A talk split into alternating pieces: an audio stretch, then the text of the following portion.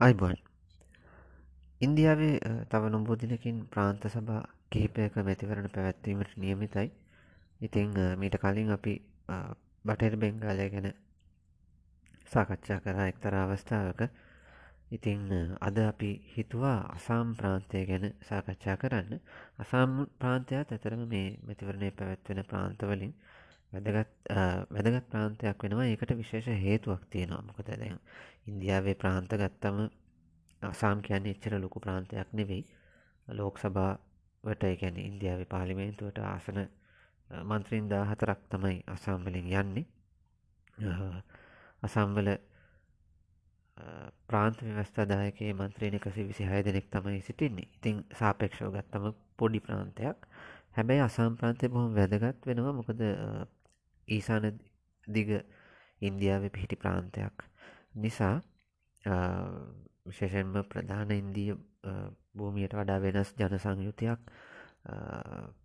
පවතින ප්‍රදේශයක්. ඒවගේම එක්තරා කාලෙක බොහොම දරුණු සන්නධ ව්‍යාපාරයක් බෙදුම්වාදී ව්‍යාපාරයක් තිබිල දැන් එය බොහෝදුරට දිය වෙලා ගිහිල්ල. නමුත් ඒ බෙදුම්වාදී විශේෂෙන්ම පිටස්තරයින්ට විරුද්ධ අදහස් සැලකිතු ප්‍රමාණයක් තවමත් තියෙනව මේ අසම්වල ජනතාව අතර යම් කිසි ප්‍රමාණයකට. ඉතිං මේ වගේ කාරණා හින්දා අසම් ප්‍රාන්තය වැදගත් විශේෂ ප්‍රාන්තයක් නිසා ඒ වගේම තව වැදගත් දැත්මයි ඉන්දියාව පාලක භාරතීය ජනතා පක්ෂ අසාම් ප්‍රාන්තයේ බලය තහවුරු කරගත්තු ආකාරය ඉතාමත්ම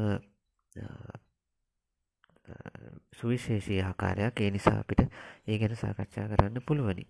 අසම්ප්‍රාන්තය දෙදස් දාසේදී භාර්තය ජනතා පක්ෂ බලයට පත් වුණ හැබැයි ඊට අවුරුදු තියකට විතර කාලින් එක් දසමසි අසූ ගණන් වෙනකොටත් භාර්තය ජනතා පක්ෂයට හෙම අසම්ප්‍රාන්තය කිසිම විශේෂ ජන පදනමක් තිබුණෙ නැහැ. අපි දන්න භාර්තය ජනතා පක්ෂය හැදෙන් නිසා භාර්තය ජනතා පක්ෂ මූලික වශයෙන්ම හටගෙන මුල් අවස්ථාවේ දළුලා වැඩෙන්න්න පටන් ගන්නේ හින්දු හින්දු ජනතාවගේ හදබීම හනත ඇතන හින්දුස්ථාන් කියලා අපි කියන උතුරු ඉන්දියාවේ ප්‍රදේශය ආශ්‍රිතව. දැම් ප්‍රධාන වශයෙන් ගත්තම උතුරු ඉන්දියාවේ රාජස්ථාන් ගුජරාට උත්තර ප්‍රදේශ වගේ ප්‍රදේශවල තමයි භාර්තය ජනතා පක්ෂයේ මුල් බලකොටු තිබුණේ. ඉතිං ඉතා මෑතක් වෙනකක් ඇත්තනම ඔවුන් එතනින් එහාට විශාල පැතිරීමක් පෙන්නුම් කරේ නැහැ. ඉති පහුගේ අවුරුදු වල තමයි භාර්තය ජනතා පක්ෂය ඉන්දියාව අනිකුත් ප්‍රදේශවලට පැහැදිලි බලයක් සහිතව පැහැදිලිව ශක්තිමත්ව පැතිරෙන්න්න පටන් අරගෙන තියෙන ඉති ඒ අතරින් අසම්ප්‍රාන්තය බොහොම වැදගත් වෙනම මොකද එක්දසමසි අසූ ගනවල අසම්ප්‍රාන්තය එහෙම කවුරුවත් භාර්ති ජනත පක්ෂයට තිබෙනෙහ භාර්තය ජනතා පක්ෂයට පක්ෂයේ වර්ධනයට හේතුවෙච්ච ප්‍රධාන සංවිධානයක් වන රාෂත්‍රීය ස්වයම් සේවක සංක් සංවිධානය. ඔය හින්දු හින්දු සංවිධානයක්. මේ සංවිධානය මේ සංවිධානයට අයත්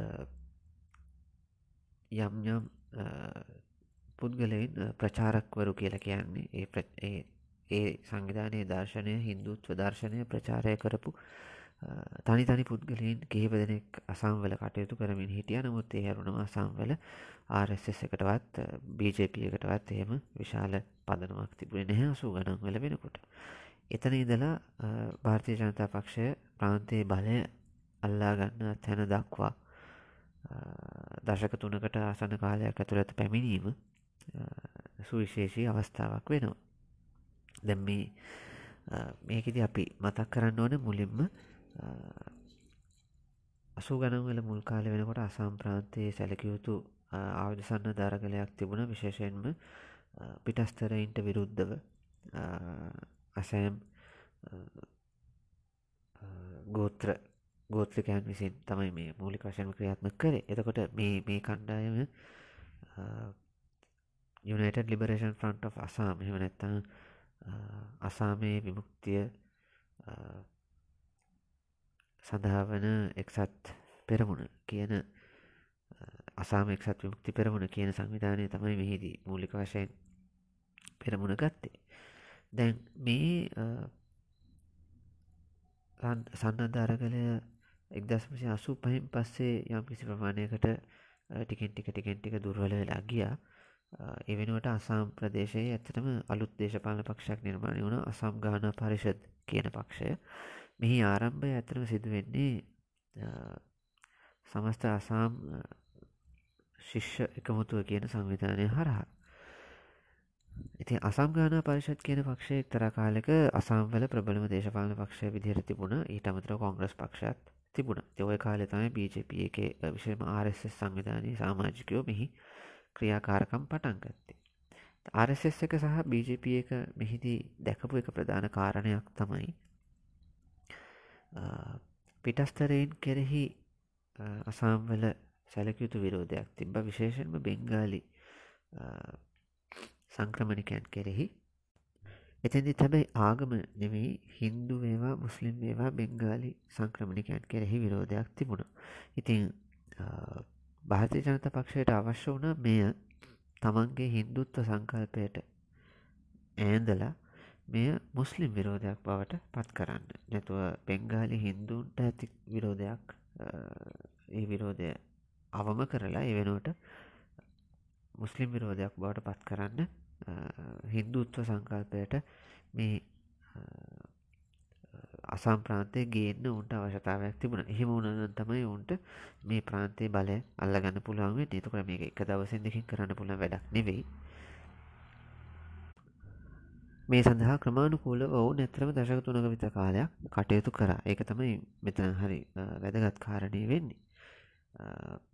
මේ ඊළඟ ශන්දි බලාගෙන එහෙම කරපු ගේම් එකක් නෙමේ මේක අවුරුදු විසි පහක තියක ගේම් එකක්. ඉතින් මේකොල්ලම් මෙතැදි තේරුම් ගත්තු ප්‍රධාන කාරණා කහිපයක් තියෙන එකක් තමයි පිටස්තරයින්ට තියෙන විරෝධතාවය හේතුකොටගෙන එකොල්ල දෙන හිටිය. පිට ප්‍රාන්තවලින් ඇවිල්ලා මිනිස්සු බණකිව්වට ඒවාහන්න ඇසෑම්වල මිනිස්සු සූදානම් නැහැ කියලා. ඒ අනුව ඇසෑම් වලින්ම තමන්ගේ අදහස් පිළිගන්න පිරිසක් ගොඩනගා ගැනීම අවශ්‍යතාවය මතුවන මේකට ඒගොලන්ට පලවිනීම අවස්ථාවක් ලැබුණේ අසම් ගාන පරිෂද් එක හරහා. මොකද මේ පක්ෂය ඇතුළේ විවිධාකාර අර්බුද තිබන මේ පක්ෂය අතරේ. එහි ප්‍රතිඵලයක් විදිහට මේ හිටපු සමහර අයව තමන්ගේ පැත්තර නම්ම ගන්න භාරති ජනතා පක්ෂයට පුළුවන්කම ලැබුණ පහුගිය දශක දෙක තුන ඇතුළත. මේක එක පාර සිද්ධ වෙච්ච දෙයක් නෙවෙයි නමුත් දෙදස් පහළව දාසේ දාහත වගේ වෙනකොට අර පරණ අසම්ගාන පරිෂදක හිටු ප්‍රධාන පෙළේනායකෝ කිහිප දෙනෙක්ම භාර්තය ජනත පක්ෂතක එකතු වෙලා තිබේ ඇතරම පහුගේ ලෝක සභා චන්දෙදිත් අසාම් ප්‍රාන්තයෙන් තරඟ වැදුණු භාර්තය ජනතා පක්ෂ අපේක්ෂකයෝ ගත්තම ප්‍රධාන අපේක්ෂකෝ හැමෝම වගේ පරණ අසම්ගාන පරිෂදකෙන් ආපු අය බව තමයි දකින්න තියෙන්නේ. ඉති ඊට අමතරව අනික්කාරණය තමයි මේගොල්ලෝ වෙනත් පක්ෂවලත් හිටපු යම් යම් අයව ඩැහැගන්න සැලසුම් සකස් කරමින් හිටිය. දැන් මේහිදී වැදගත් වෙච්ච කෙනෙක් තමයි කොංග්‍රස් පක්ෂය හිටපු හේමත් බිස්වා සර්ම. හෙමත් බිස්වා සර්මා බලාපොරොත්තුවෙන් හිටිය. හුට මහමතිකම ලබාගන්න පුළුවන්ගේ කියලා. නමුත් මහමතිකම ඔය ගොගෝයි පවුලේ පවුල අත්තේම රැඳෙනවා කියන එක පැහැදිලි වුණාම ඔහු බීජපියකට එක තුන ඇතරම එක පාර එක තුනාන මේ බීජපිය එක ඔහු සමඟ සාකච්ඡා කරලා ඔහුව පොළඹවාගෙන අන්තිමට බීජපිය එක පැත්තට හේමත් බිස්වා ශර්ම එකතු වෙන්න සමත් වන ඔහු ප්‍රධානම චරිතයක් අසාම්වල දේශපාලනය හිටපු. මේ වගේ ඔහු හෙමත් විශ්වාසර්ම එකතු වෙන්නේ බීජපය එකත් එක දෙදස් පහළව වෙද්දි. මේ වෙනකොට පරණ අසම් ගාන පරිෂ දෙක හිටු ප්‍රධානායකව ගණනාවක් බීජපය එකත් එක එකතු වෙලා. දැන් එතකොට ඉතුරු වෙච්ච පොඩි අසම් ගාන පරිෂද් දෙක දෙදස් එකොළහි තිබිච්ච ප්‍රාන්ත සභා මතිවරණයේදත් එච්චරම සාර්ථක වුණේ නැහැ. දෙදස් දාසේ වෙද්දි බීජපිය එක ඔවුන් සමඟ සන්ධානගත වෙන්න සමත් වෙනවා. ඒ අනුව බීජප අසම් ගාන පරිෂත් සන්ධානයේ කනිෂ්ට සාමාජිකයා විදියට අසම්ගාන පරිෂදකය ඉතුරු වෙච්ච පක්ෂේ තැර නායකයෝ ටික හෝදගෙන ගිහිල්ල ඉතුරු වෙච්ච කණ්ඩායම දැන් බීජප එක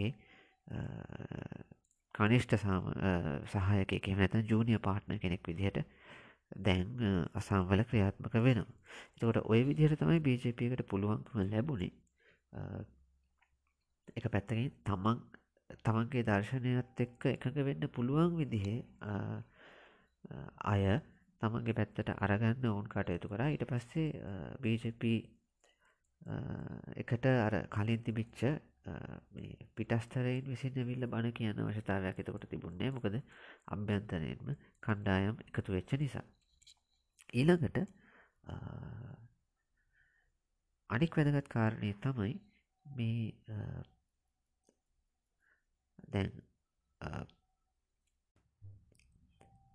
අර කලින් තිබිච්ච පිටස්තරයින්ට තිබිච්ච විරෝධය පුළුවන්තරම් මුස්ලිම් විරෝධයක් බවට පත් කරන්න කටයුතු කරන්න කරපු උත්සාහය. මෙහිදී තව වැදගත් සාධකයක් ඉස්මතු වුණා. මොකද මේ අසාම්වල මුස්ලිම් නායකෙක් කරලියට එනවා. ඔහු තමයි බදුරදීන් අජ්මල් සමස්ත ඉන්දීය එක්සත් ප්‍රජාතන්ත්‍රවාදී පෙරමුණ කියලා පක්ෂයක් ඔහු විසින් හදාගෙන තිබෙනවා. ඒයි UDF කියන පක්ෂ ඇති මේ පක්ෂය ඔස්සේ අසාම්වල ප්‍රබල චරිතයක් බවට බජුර්දීන් අජමාල් පත් වනා එතකොට එක්තර අවස්ථාවක සාමාන්‍යයෙන් සමස්ත ප්‍රාන්තය ගත්තම ප්‍රාන්තයේ ප්‍රධානම චන්ද ප්‍රතිශතයක් ලබාගන්න පක්ෂ තුන දෙක තුන අතරට ආජ්මාර්ග පක්ෂය ආවා.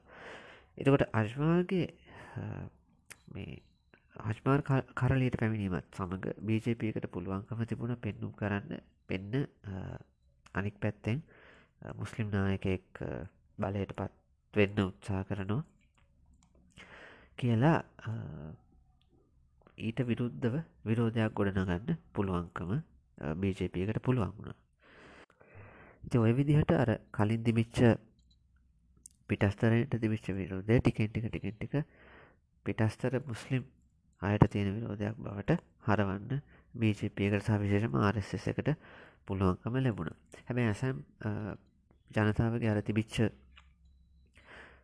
තනිකර පිටස්තරයට තියෙන විරෝධය ගැන්නේ බෙංගාලි භාසාව කතා කරනයට තියෙන විරෝධය ආගම කේන්ද්‍ර කරගෙන නැතුව පොදුවේ තියෙන විරෝධය තාමත් තියෙනවා. එහි ප්‍රතිඵලයක් විදිහට මේ වෙනකොට මේ ඇත කාලෙකද විශේෂයෙන්ම අලුත් දේශපාලන පක්ෂක් පක්ෂ කිහිපයක්ම ඇත්තරම නිර්මාණය වෙලා තියෙනවා සාම්බල විශේෂම ඔය දැන් ටික කාලෙකට කලින් ඉන්දියාවේ සම්මත කරගත්තු අර CAA පනත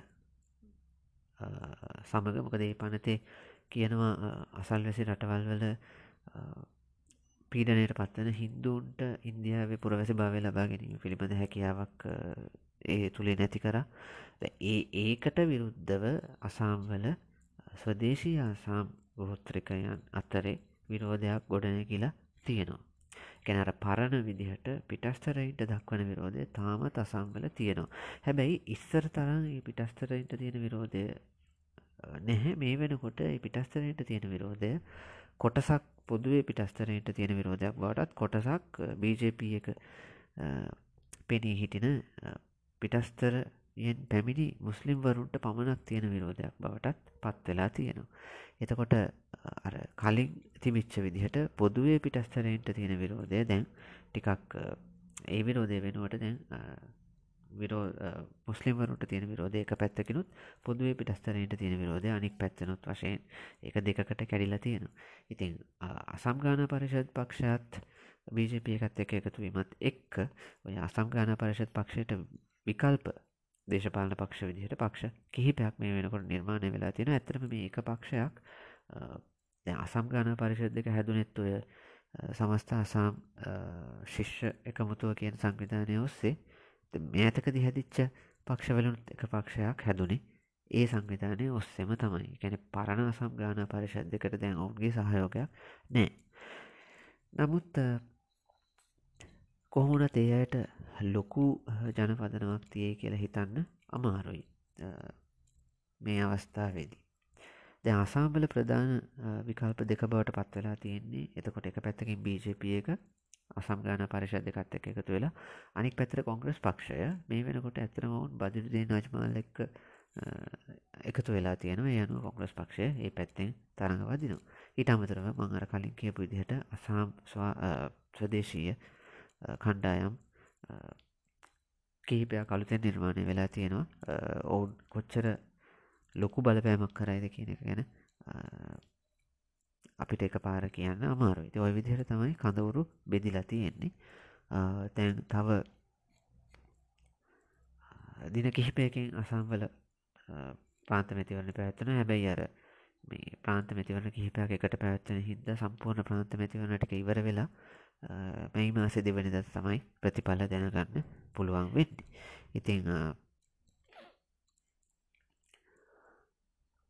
බජප එක දෙදස් දාසේති බලයට පත්වෙච්ච බජප එක තවදුරටත් බලය රැකගන්න සමත් වෙයිද කියන එක බොහොම වැදගත් ප්‍රශ්නයක්. මොකද විශේෂයෙන්ම බජප එකේ සාම්ප්‍රදායක බලකොටුවක් නොවිච්ච අසාම්ප්‍රාන්තයේ බලය අල්ලගත්තු විදිහ නිසා ඔවුන් කාලයක් තිස්ස කටයුතු කරමින් අල්ලගත්තු බලය තවදුරටත් ඔවුන්ට රැකගන්න පුළුවන් වේද කියන එක බලන්න සිද්ධ වෙන්නේ මේ චන්දෙද ඒක ඉතා වැදගත් කාරණයක් වෙනවා.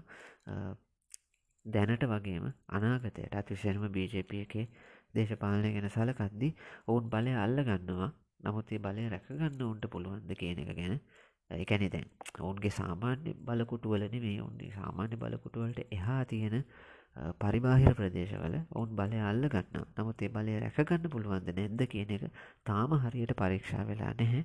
එය හරියට පරීක්ෂා වෙන ප්‍රධානම ස්ථානයක් බවට සහ ඇතරම් පලවෙනි ප්‍රධාන ස්ථානය බවට අසාම් පත් වෙන එක නිසා අසාම් ඒ අතිනුත් භාර්තය ජනතා පක්ෂයට බොහෝම වැදගත් චන්දයක් කියලා කියන්න පුළුවන්. එතන බටහිර බෙංගාලයටත් වඩා තැන් බටහිර බෙංගාල චන්දය තමයි මේ වෙනකොට බැටල් ග්‍රවන්් එක කියල කියන්නේ ප්‍රධාන සටන් බීම කියල කියන්න. නමුත් ඒ වෙන අර්ථයකින් අසාම් අර විදිහට ලොකු අර්ථයක් භාර්තය ජනත පක්ෂයට ගෙනව. මොකද ඔවුන්ට අල්ලගත්තු බලය රැකගෙන ඉන්න පුළුවන්ද කියලා බලන පලවෙනි ප්‍රධාන අවස්ථාව තමයි අසාම් ප්‍රාන්ත මැතිවරණේ ඉතින් මෙයි දෙවෙනදර තමයි අපිට හරියටම කියන්න පුළන් වෙන්නේ සමහට අපිට යම් යම් තොරතුරු ලැබැයි ඊට කලින් කොයි වගේද යොමුවෙන්න කෙන නමුත් අසාම්වල තින ජන සංයුතිය සහ දේශපාලන සංයුතියත් එක්ක සමහර විට කලින් අනවකි කියන එක ටිකක් භයානක භයානක කියන්නේ වැරදීමට තියෙන ඉට කඩක් තියෙනවා. නිසා අපිට මැයි දෙවැනි දට තමයි ඒ ගැන කතා කරන්න පුළුවන් වෙන්නේ. ඉති අප ඊළඟට හම්බමු තමිල්නාඩු සා කේරලය ගැන කතා කරන්න තියෙනවා. අපි දැන් තමිල්නාඩුවේ කේරලේ අප්‍රල් හයවෙන්ද චන්ද තියෙන අපීට කලින් ඒ ප්‍රාන්ත දෙක ගැනත් සාකච්ඡා කරන්න බලාපොරොත්තු වෙනවා. එහෙනම් අදට ගිහිල්ල එන්න හැමෝටම සුබ දවසක්.